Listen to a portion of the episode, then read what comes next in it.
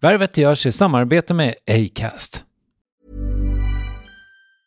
It's that time of the year. Your vacation is coming up. You can already hear the beach waves, feel the warm breeze, relax and think about work. You really, really want it all to work out while you're away. Monday.com gives you and the team that peace of mind. When all work is on one platform and everyone's in sync, things just flow wherever you are. Tap the banner to go to Monday.com. Many of us have those stubborn pounds that seem impossible to lose, no matter how good we eat or how hard we work out. My solution is PlushCare. PlushCare is a leading telehealth provider with doctors who are there for you day and night to partner with you in your weight loss journey. They can prescribe FDA-approved weight loss medications like Wagovi and Zepbound for those who qualify. Plus, they accept most insurance plans. To get started, visit plushcare.com slash weight loss. That's plushcare.com slash weight loss. Planning for your next trip? Elevate your travel style with Quince. Quince has all the jet-setting essentials you'll want for your next getaway, like European linen, premium luggage options, buttery soft Italian leather bags, and so much more. And is all priced at 50 to 80% less than similar brands. Plus, Quince only works with factories that use safe and ethical manufacturing practices. Pack your bags with high-quality essentials you'll be wearing for vacations to come with Quince. Go to quince.com slash pack for free shipping and 365-day returns. Hej, det här är Kristoffer. Jag vill bara göra dig varse på att det här är kortversionen av avsnittet.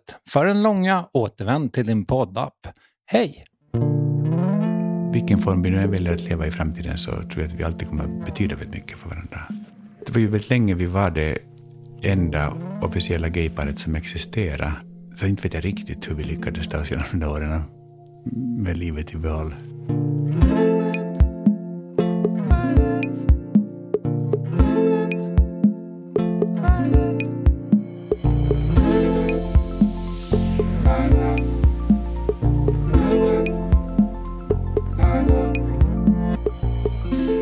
Det är förstås svårt och kanske ointressant att mäta hur celeber en person är men efter lång och trogen tjänst i medias alla tänkbara och ibland otänkbara vrår, han har varit chef på SVT till exempel, måste man konstatera att Mark Levengood närmast är en institution. Någon som de allra flesta svenskar har en relation till. Ett exempel i modern tid. Eh, När hans separation kommunicerades i sociala medier för ett par månader sedan fick de inblandade tiotusentals varma kommentarer och över 200 000 likes. Men vad har Jonas Gardell betytt för Mark och hur funkar vänskap för honom som just skrev en bok i ämnet? Och varför skar det sig med, ja, mig för över tio år sedan? Det här är Värvet avsnitt 571 med Mark Levengood. Är det snabbkaffe? Ja. Blev du sugen nu? Nej, men det, det, det står bara två saker i min rider. Och det är att Levengood bor inte på Scandic och Levengood dricker inte snabbkaffe. jag tycker det är så äckligt. Och jag har druckit för mycket. Jag, har en, bak, en bakgrund inom så här amatörteater och sånt. Och då var det alltid så här, ibland var det i kallt vatten. Du vet, så tycker jag att nej, men nu, nu bor jag varken på Scandic eller, eller dricker snabbkaffe. Eh, jag förstår. Mm. Jag, jag tänkte så här, Mark. Eh, nu, verkar, nu är du ju ute mycket och pratar i media. Eh, samtidigt så var det, det var inte så länge sedan man, det var grejer man absolut inte fick prata om. Har vi några sådana restriktioner idag? Vad, vad, vad vill du inte prata om? Jag vill inte prata om min separation eftersom jag inte vet var vi befinner oss och vart vi är på väg. Ehm, sen frågar du väldigt mycket om mina barn så kommer jag att svara ganska undvikande för att jag tycker fortfarande de är min ålder. Nu är de i och för sig 20 och 17 men den här instinkten att skydda dem är fortfarande väldigt stark för mig. Att, ehm, men annars så är det... Du kommer märka att jag är så här finlandssvensk. Och det är att vi går väldigt sällan i konfrontation. Men däremot så glider vi som ingen annan eh, om vi tycker att det blir obekvämt. Jag är ju eh, till 25 procent finlandssvensk. Nåja. Ja. Men är, är du konflikträdd? Ja. Ja, men det är du från vår sida. Ja, eh, det, ja, så kan det kanske vara. Mm. Men det, är också, det där tycker jag är svårt, för eh, du vet, alltså till exempel, ja, men det finns ju massa människor i Sverige som är duktiga på det här med att hela tiden vara i konflikt med någon jävel. Liksom, eh, ja, top of mind här är väl kanske Alex Schulman som på något sätt alltid eh, har någon konflikt någonstans. Eh, Det där har inte du haft så mycket. Jag är ingen konfliktsökande person alls. Alltså varken privat och framförallt inte i media. Jag tänker också, jag tycker aldrig om när man använder det offentliga för att på något vis söka sympati för sin sak i någonting pågående. Jag, jag, tycker, och jag tycker inte heller om när folk kan försöka använda publiken som en terapeut. Jag hör till de få som inte tycker om när folk börjar gråta i sina sommarprogram. För jag tänker att nej men vänta nu, du är inte ännu färdig att berätta det här. Utan gå först hem och bearbeta det. Och ta hjälp och bearbeta det. Men se till att, att du får en vettig sårskorpa först på det som gör ont. Och sen när den har lagt sig, så sen kan du berätta det. Alltså, man brukar ju alltid, jag vet det är tjatigt, men man talar om det skillnaden mellan det privata och det personliga. Du ska alltid vara personlig, men du ska inte vara privat. Men jag, men också så här, jag har ju ganska mycket följare på Insta och sånt, liksom, men till och med där, fast det är min egen kanal, så tycker jag det är jobbigt att så, göra reklam för mina grejer. Och sånt. Jag tycker det känns... Jag vet inte, jag tycker det känns cheesy. Men jag, kan, jag ska berätta en sak. Nu ska jag tala till de 25 procenten så du förstår vad du har för bakgrund. Jag ska upp till dig i Åbo, och där bor min moster och hennes man. Och så ringde jag och sa att, att på torsdag är jag i Åbo, så om jag får så bjuder jag gärna ut dig och, och farbror på middag. Jag, hade en, jag har en fråga om den här anekdoten. Du har det? Okej, ja, just det. Ja, fortsätt. Sorry. Och moster sa att, att, att eh, jag kom, det var hemskt trevligt, jag kommer gärna, men, men han kommer inte, men jag kommer gärna. Jag sa, varför kommer inte farbror då? Nej, vet du, han, vet du, han kommer inte, men jag kommer gärna. Så, men ser du att farbror också kommer? Nej, han kommer inte. Så, men varför, vi ses så sällan, varför kommer han inte? Det var en tyst en stund och sa, ja, nej, nej, nej, för, nej, för han är död. Och vi är då en jätteliten familj. Mamma har bara en syster. Och jag blev helt chockad. Så, men vadå, farbror död? Jo, han dog i januari. Nu var det april. Så, men begravningen då? Nå vet du, jag begravde honom. Det hör ju till. Så, men hans vänner, har inte jag sagt till dem heller. Och sen är då pressar moster på att varför har du inte sagt någonting? Så då, det här är då essensen av att vara finlandssvensk. Hon säger, vet du, jag tycker inte om att ringa med sådana här tråkiga nyheter. Det är liksom vår värld. Att I det längsta, vi tycker inte om när det blir obekvämt. Vi, vi blir sjukt stressade av det. Vad har du för fråga om den här anekdoten? Ja, får jag återkomma till den frågan? Ja. För eh, det blir eh, mer elegant. Men, men jag, eh, jag är väldigt nyfiken på det där finlandssvenska. Eh, Alltså det är ju svårt tycker jag, för att min, alltså så här, min farmor flyttade till Sverige under andra världskriget. Och sen har ju det, det finlandssvenska för mig har varit att pappa eh, flera gånger om året åker över och har med sig någon sån liten stålborste och så liksom använder han den på en grav. Och sen åker han tillbaka till Sverige. Liksom. Och de där människorna som ligger i den där graven, det är absolut inte farmor. Hon ligger i Strängnäs. Liksom. Det är människor som jag inte har någon relation till.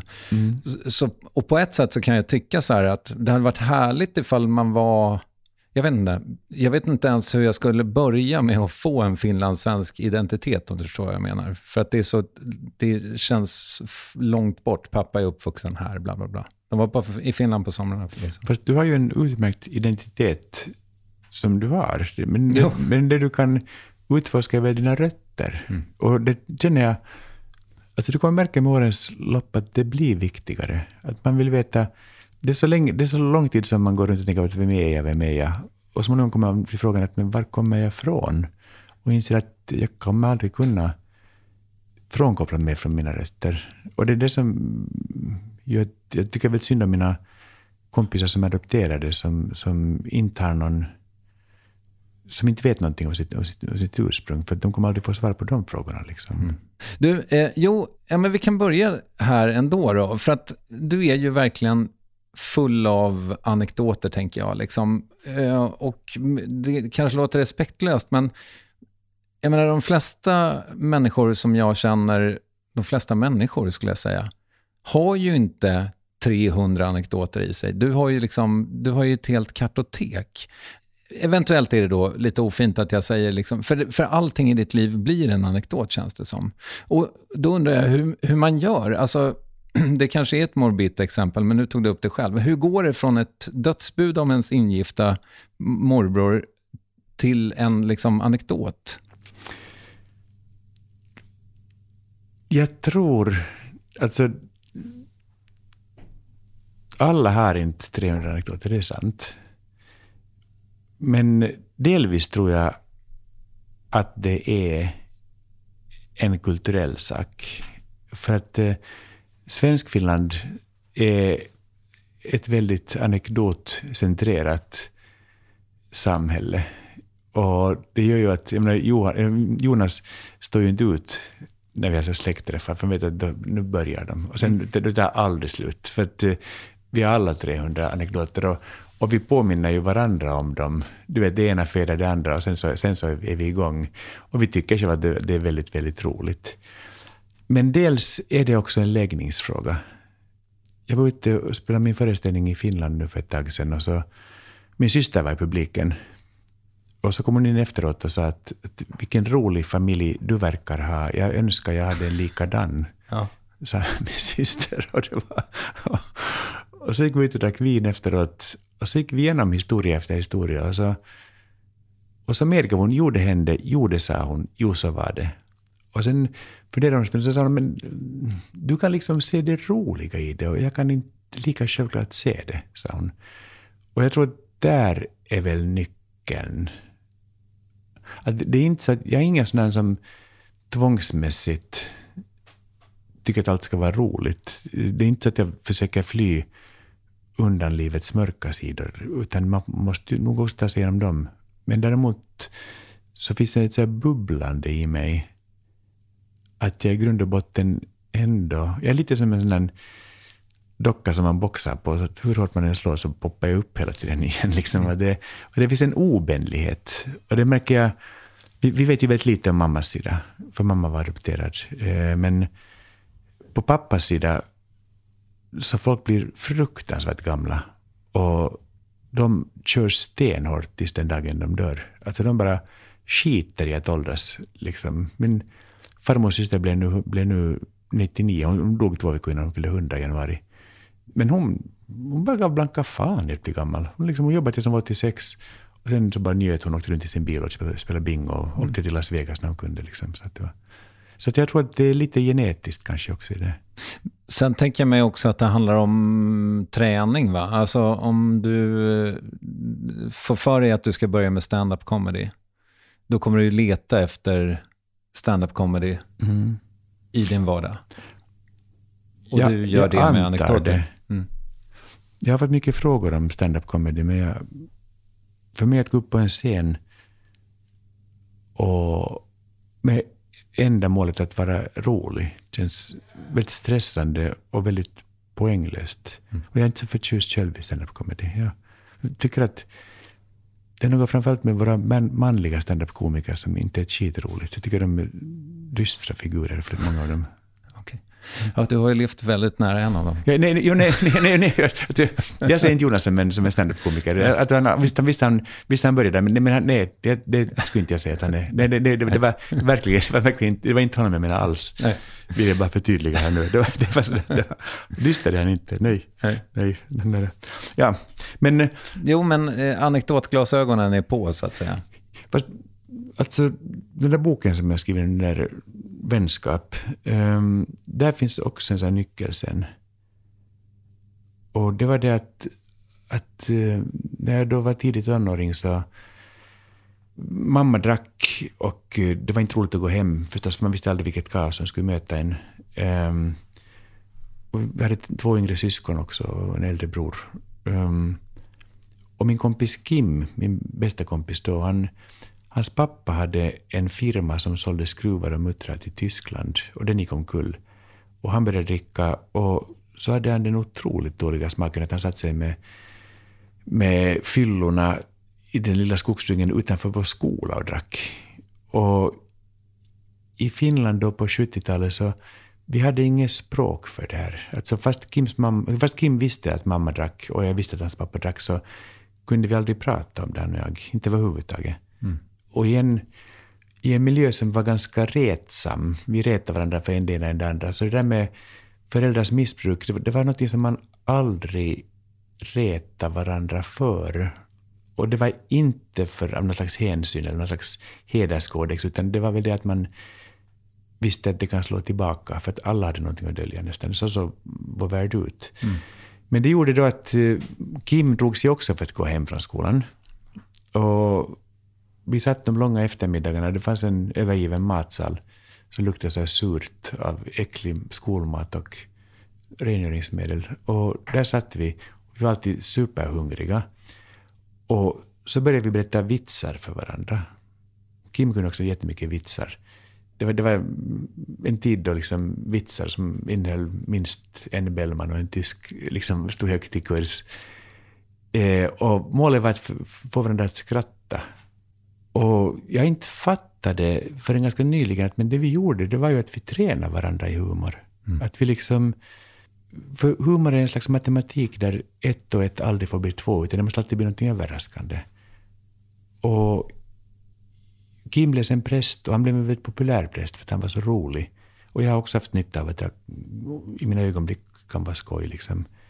Så jag, det, är, det är också en träningsfråga. Men jag vet inte varför jag berättar mycket anekdoter, men jag tycker det är roligt. Jag tycker också det är väldigt roligt att höra anekdoter. Mm. För skillnaden mellan en anekdot och en vits, det är att vitsar är alltid för långa.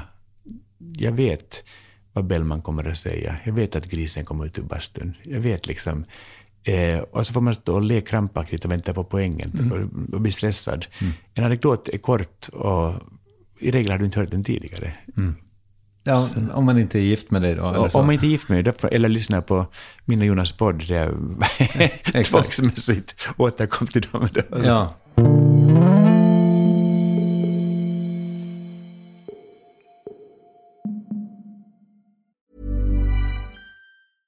Even when we're on a budget we still deserve nice things.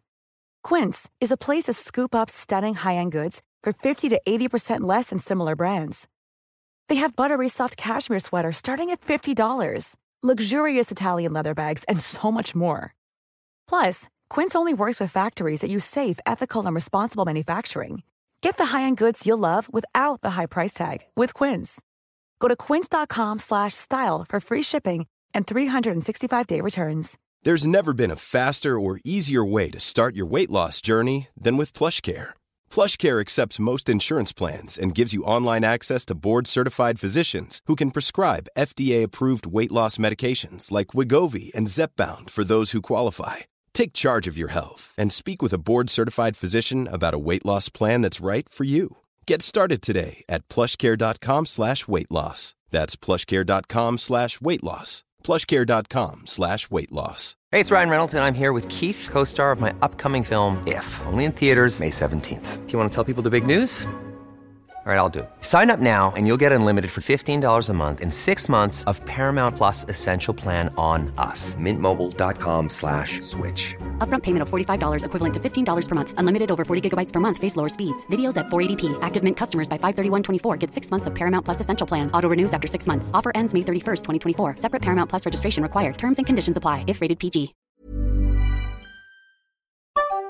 Yes, ny sponsor. Värvet presenteras i samarbete med Svea Bank. Och jag menar inte att ta ner stämningen, men dessvärre är ju lågkonjunkturen här, vilket innebär att de flesta branscher har det tufft och också väldigt många privatpersoner. Jag vet själv vad det är att ha en trasslig privatekonomi. Det var struligt i många år för mig och låg ofta post i hallen med trista logotyper i ena hörnet och jag hade också i flera års tid ett helt gäng betalningsanmärkningar. Och tyvärr är det nog många som har det svårt att få ihop till räkningarna just nu, som har hamnat i ekonomiskt trubbel. Och det är här Svea Bank kan kliva in med något som kallas skuldfinansiering. Där löser de skulder hos inkasso och till Kronofogden och till och med om Kronofogden vill sälja ditt boende har Svea Bank möjlighet att hjälpa till. I den här tjänsten får du en personlig handläggare som gör en grundlig genomgång av din ekonomiska situation. De tar kontakt med dina kreditgivare och när ett lån beviljats löser de dina skulder skulder åt dig och samla dem i ett enda lån med en avbetalningsplan som din ekonomi klarar av. För om du har hamnat i klister, du är inte ensam och kanske kan det här hjälpa dig. På svea.com skuldfinans kan du läsa mer. Tack Sveabank. Nu får vi se hur det här landar. Men jag tror att det känns som att det borde vara safe eh, när jag ställer frågan så här. Vad har, vad har Jonas betytt för dig? Oj, allt. Alltså vi var varit gifta i 36 år. Och man kan ju lugnt säga att vårt gemensamma storslagna äventyr började när vi träffade varandra. För Jonas var inte alls känd när vi träffades. Jag frågade honom om vad han jobbade med och han sa att det ville han inte prata om. Och jag trodde han var prostituerad. Alltså, så var det när vi träffades. Han trodde jag var från Island. Mm. Eh, och sen när vi hade varit ihop två veckor så kom det ett filmteam från SVT och gjorde ett program hemma hos oss som hette Nyfiken på. Det var Lars Ulvenstam som gjorde ett program och det var fortfarande, det måste ha varit 86. Eh, en tid då, om man var på TV så blev man känd, så Jonas blev fruktansvärt känd bara över natten. För han var, kom ut som öppet homosexuell i det programmet. Hur, hur blir man homosexuell? Eller hur blev du homosexuell? Eller kanske, kanske var en dum fråga, men nu är den ställd. Hur blev det? Jag har fått den frågan tusentals gånger och jag har aldrig något bra svar. Eh, jag vet inte varför jag är bög. Eh, jag vet bara att det är det bästa jag har blivit. Och sen drog han shower igång och allting och jag, och jag blev lite... Alltså jag kan inga intervjuer, jag tänker inte sånt, men, men det var ändå bild på mig. Jag var på något vis hans pojkvän liksom.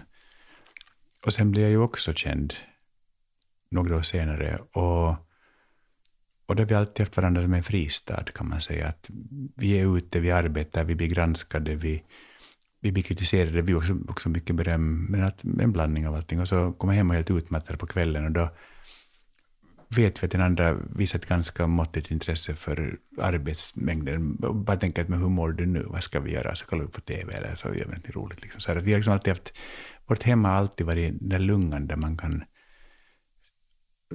få ny kraft. Och, och det är också därför vi alltid var så supernoga med att det inte var något hemma hos-reportage. Och att barnen måste hållas helt utanför för att de, måste ha, de har rätt till sin barndom och allting. Men Jonas har också varit en blåslampa. För han tyckte att jag var begåvad, men att jag begåvad men lat, som Matti gick i skolan. Mm. Eh, och tyckte jag skulle söka mig till ett kreativt yrke. Jag jobbade på långvården först, och jobbade på narkomanvården. Och jag var, jag är ju så här, han har ju rätt i det, att jag är ju som en kossa. Att ge mig lite grönt gräs så står jag och betar och tycker att livet är ganska gott. Liksom. Jag älskar jobben inom vården. Men jag kände fortfarande att jag hade just det eviga bubblande och puttrande. Att jag hade inte liksom... Min fulla potential kom inte riktigt till sin rätt. Och han uppmanade mig att söka till Dramatiska institutet, vilket jag gjorde också. Så blev jag radioproducent och sen började allting. Så att, så att jag ordnade tillsammans. Och också det, det var ju väldigt länge vi var det enda officiella gayparet som existerade. Alltså Eva och Eva kom ut sen, men det var ju sen typ någon, så många år efteråt. Och det var efter den där hemska aidskrisen. Det, det var ju de för oss jobbigaste åren av offentliga. Det var då man fick möta så hemskt. Vi blev liksom proviseringstavlor för så mycket hat och så mycket rädsla och dumhet. Mm.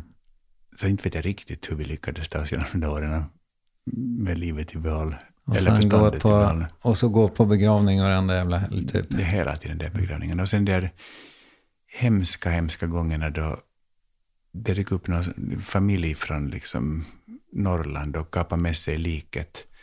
Ordnade begravningen i hembygden och partnern blev inte ens bjuden, eller, och absolut inte omnämnd i begravningsannonsen. Och så slutade det med att tänka på Cancerfonden.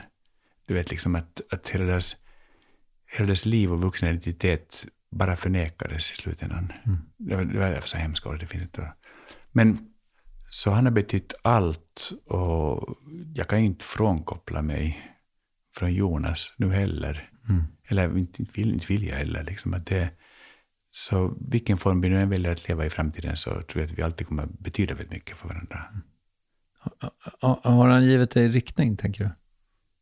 Nej, riktningen har jag själv. Mm. Men han har puttat mig Mm.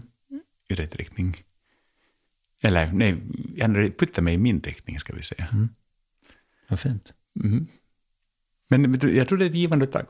Jag tror att han också haft, ja, jag vet han har haft mycket nytta av mig också. Så liksom det, men, men, men det får han själv berätta om, om han vill. Det var, Jag tänker på det, var, när min son var som mest kritisk, där tonåren, du vet, allt var fel med mig. Han satt i baksätet och hade någon ändlös litania om alla mina brister och svårigheter som pappa. Och så, så till sist sa jag, men snälla du säger att men jag har ändå varit en ganska bra pappa.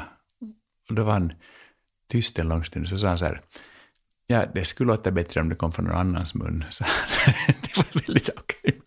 Att- så jag kan- jag ska inte göra om det misstaget känner jag. Nej. Men, men eh, hur har, har det varit lätt för dig att vara pappa? Um, nej, men det är inte lätt att vara pappa. Det är svårt. Det har varit oerhört viktigt att förändra livet som inget. Um, och uh, jag är så stolt över mina barn. Jag är så glad, jag är så kär i mina barn. De är liksom... Och nu när de båda börjar bli vuxna och så tittar man, liksom, men hur är de så kompetenta? Jag, jag har en kompis som har fyra vuxna söner. Och hon sa att med var och en av dem tänkte hon tanken, det här kommer aldrig att gå. Och så gick det alltid. Och det har jag haft som ett mantra genom mina barns tonår, när det har varit som guppigast. Att, men hon tänkte också att det här kommer aldrig gå, och så gick det alltid. Och det där mirakulösa som brukar hända i- många, många fall, de flesta, att en dag så klickar det synapserna och detta virvlande kaos de har varit som tonåringar blir plötsligt liksom en väldigt fungerande människa. Det är magiskt. Men frågan var om det var, om det var lätt att vara pappa. Nej. Nej. Jag var pappaledig med min dotter i lite på ett halvt år.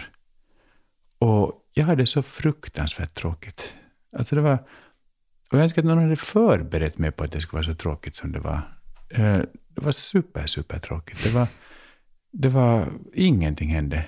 Då, att, vakna, att vakna upp till en dag då liksom allt bara gick ut på att mata och byta blöja och liksom och titta på när barnen sover. Eh, sen till all himmelsk lycka hittade jag en sån här öppen förskola. Det var på Södermalm, det var, var den stora barnkullarnas år. Så det gjorde det var alltid kö utanför. Men då, det är en av få gånger jag var riktigt sneaky i hela mitt liv. Så jag förhandlade med dem och sa att om vi, om vi alltid får komma in så ska jag hålla en gratis föreläsning. Jätteplumpt gjort. Men där fick vi alltid komma in och det räddade nog mitt, min mentala hälsa de år, den tiden tror jag. Um, och där träffade jag Fredrik och Martin som jag blev nära kompis med, som var i precis samma situation som jag. Och det, det tog ganska länge innan vi ens vågade viska för varandra att vi tyckte att vi hade tråkigt. Och så gick vi på samma gym alla tre och så visade det att de hade så här barnpassning, så kunde man dumpa barnet där en stund och så kunde man gå och springa. Och, så. och sen ropade de så här, kan Irmelis pappa komma till barn? Och man hade lurat på sig, Laila, jag hörde inte när första, första, första gången jag hörde det. Så här. Men, men grejen är ju då att, att jag är väldigt glad över att jag var pappaledig. Så det är inte, utan det var, jag känner ju, jag känner båda mina barn väldigt bra. Och jag är väldigt, så det, det är ju som pengar på banken. Men jag tänker vara, inte vet jag om det är för att jag är kille eller ingenting, men, men de få killkompisar jag vågar prata med, de, de delar väldigt mycket min uppfattning. Tänker jag att varför hittar vi då inte former för manlig pappaledighet som passar vårt sätt att vara? För att vi då skapar grupper av lediga pappor som, som umgås, till exempel. Gissningsvis blir det inga fler barn för dig dock, eller? Jag lever inte ett liv där jag kan få barn oplanerat. Eh, Så att jag tror att det... eh, Och, och, jag menar inga pappagrupper som åker ut i öknen och, och Sätter eld på grejer. Precis, utan, utan andra former för det. Liksom.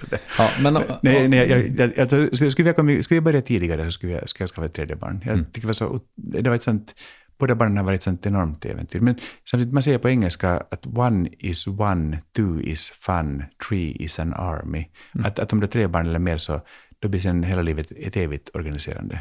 Att det liksom, så, kanske, Mm. Men jag är nöjd och glad över mina två. föreläsningen höll du aldrig va? Jo, det gjorde jag. Jag, gud jag, jag är världens absolut mest plikttrogna människa. Jag, jag, nej, gud, jag skulle hata mig själv om jag säger sånt och inte gör det. Ja. nej, nej, oh ja. Oh Jag ja. förstår. Och, och det var fullsatt. Nej. Du, eh, vem är det som har sagt det här? Är det din eh, eh, man som har pratat om dig och Henrik Schyffert? Där den ena är trevlig men inte snäll och den andra är snäll men inte trevlig. nej, det är Henrik Schyffert själv. Ah, okej. Eh, ja, vi var ute och, ute och följdes tillsammans en, en eller två säsonger. Och eh, vart vi än kom så var folk så otroligt gulliga mot mig och hade kommit presenter och hade gjort kaffe. Och när det var Henrik Schyffert så blev de bara så rädda. Och det var då han sa, han blev så jävla irriterad. Det är så här, att folk tror att du är snäll. Det är så här, eh, men det, och, sanningen är att Henrik Schyffert är en jättesnäll kille. Jättesnäll kille. Så det, är liksom, det handlar bara om, ja det är sant, ja. Fast, fast det är inte heller, alltså, det är inte, jag är inte osnäll. Det, men däremot är jag mycket bestämd än vad folk tror. Ja, och det här, det, det, jag sparade ju det här till sist för jag tycker att det är lite jobbigt att säga. Men, men och det, du får ta det för vad det är. Det är också en experimentell fråga, kanske klipps den bort. Men, men eh, det tog ju tid innan jag bjöd in dig. Mm. för det är ju nämligen så att innan jag blev eh, Kristoffer Triumf med svenska folket så var ju jag också långt ner i en produktion i tv någon gång. Och så var du gäst. Och så kände jag så här, det, och det var ingenting du sa eller någonting sånt, men det var bara en energi gentemot mig från dig som var så där, don't bother me eh, med din skit. Eh, jag, jag kände mig jag kände mig inte sedd alls. Liksom. Och jag, jag, skulle bara, jag var där för att hjälpa dig. Eh, och det där satt i länge. Liksom. Vad oerhört intressant. Ja, men och jag, jag kände så här, jag ville ändå ta upp det. Ja, jättebra att du gör det tycker jag. Och en historia som jag inte har fått höra under min karriär. Utan tvärtom så brukar folk tycka att jag är lätt att jobba med. Men det, det här måste ju vara i något... Men, men du måste precisera vilket program handlar det om. Det handlade om det katastrofala programmet Hissen, som var en vidrig produktion på alla sätt och vis. Du har Nej, fast glömt. programmet var roligt. Ja, det var säkert roligt att vara gäst.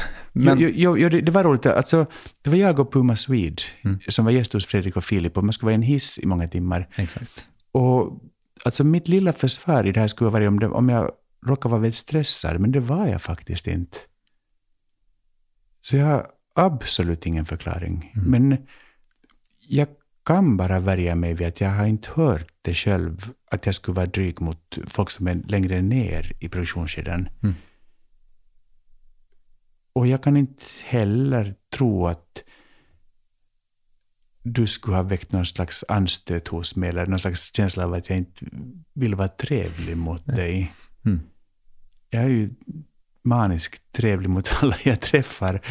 Men kan du precisera mera? Var det, alltså, eh, vad var din uppgift? Skulle du hjälpa mig? Ja, men jag, var, jag var redaktör, tror jag, officiellt. Och exakt vad det... Jag, jag minns inte egentligen vad jag, vad, vad jag gjorde. Jag minns att jag tog några stillbilder på dig uppe med Swede, där du låtsades bli avsugen av henne. Så- Jätterolig bild. Det, Ja. det ligger på mitt Insta. Jaha, det gör det? Jag, när, eh, det, alltså, hon står på knä framför mig, liksom, som jag ser bara bakifrån. Och jag har mina händer på hennes huvud och så, och så står det i bildtexten att, att Puma tappar sin kontaktlins. Jag. Jätteroligt. Det var jag som tog den bilden. Och jag minns att det var, det var, det var fruktansvärt kul. Men Och då, jag, jag tror att det var någonting i det där med, jag, jag vet inte, jag, jag skickade de där bilderna till dig.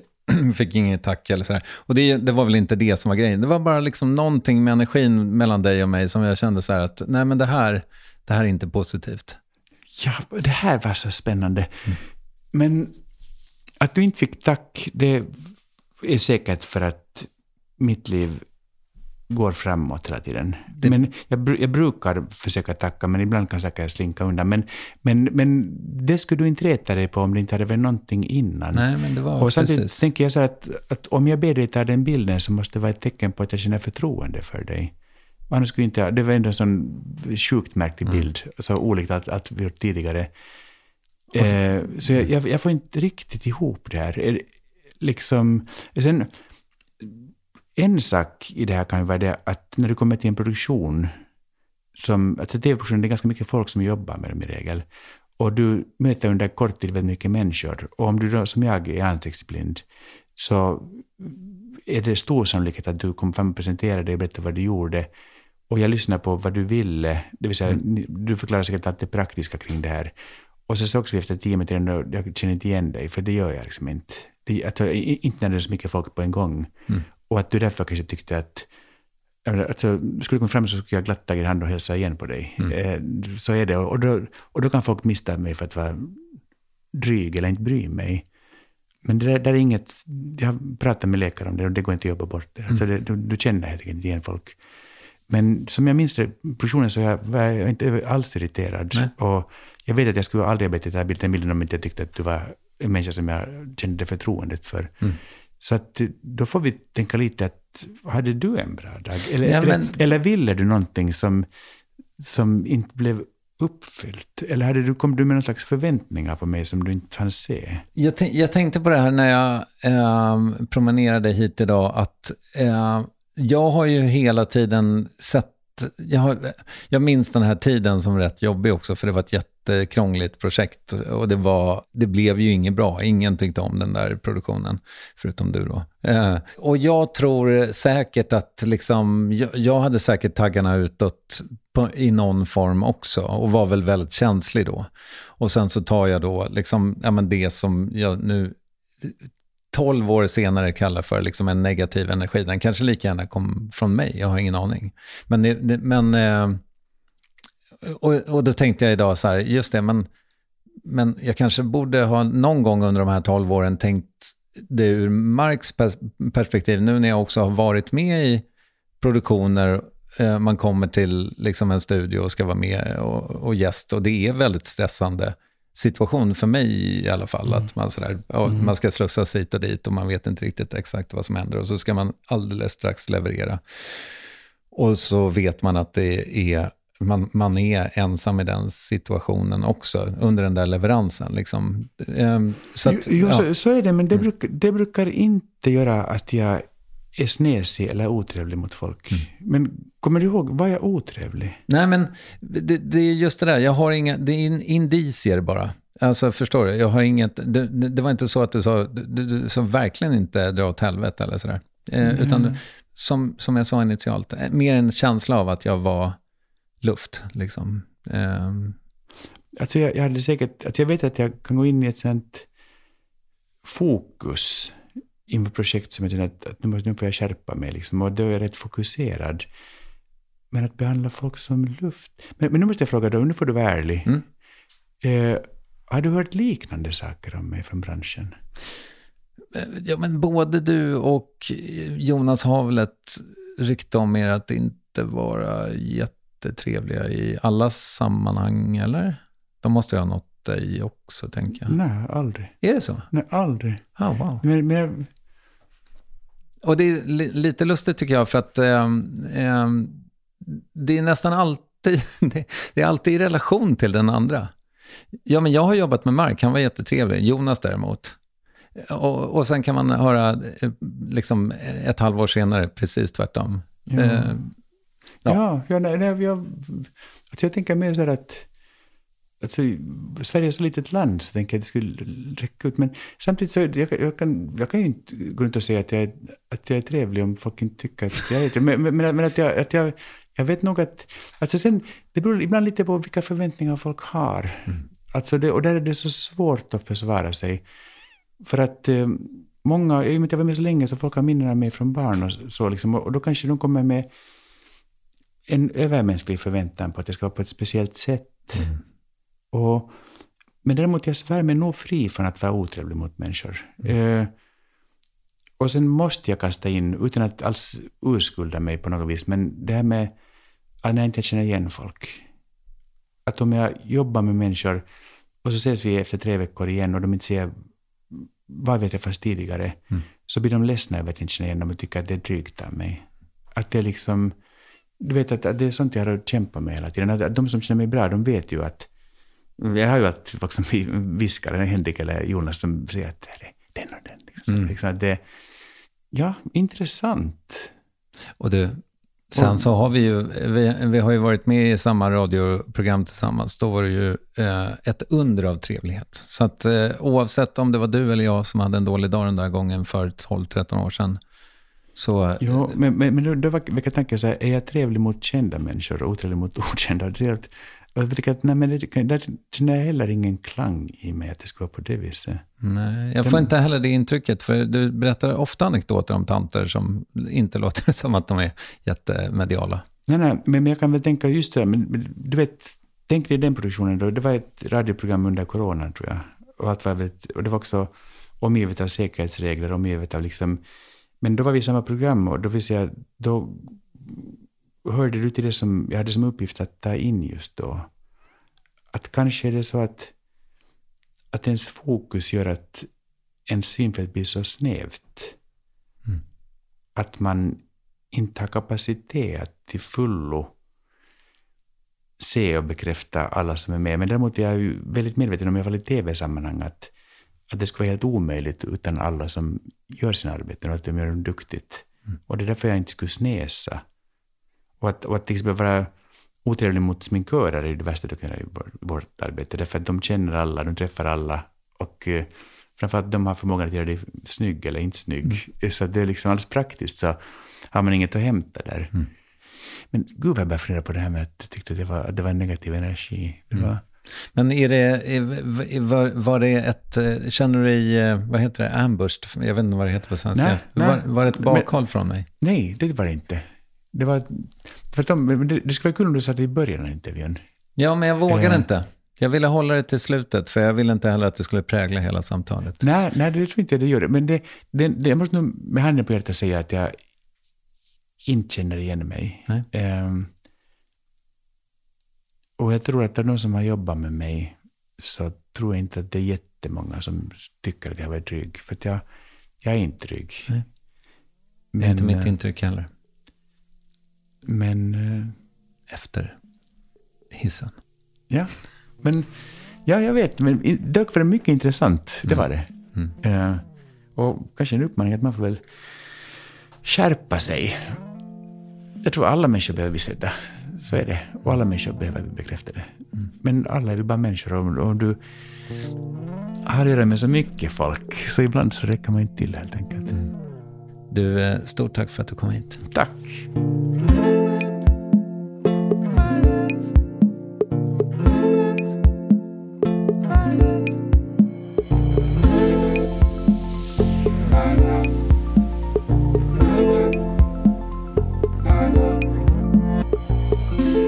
Marks bok heter kort och gott Vänskap. Kanske vann vi en sån med det här samtalet. Med det är värvet slut för idag. Acast skötte faktiskt allt som varken producent Ninni Westin eller jag, K Triumf, tog hand om. Hör av dig till oss med eventuellt ris men helst ros. Antingen på Instagram där det går att skicka DM till varvet eller via mail varvet triumf.se. Vi hörs om max en vecka tycker jag. Hej!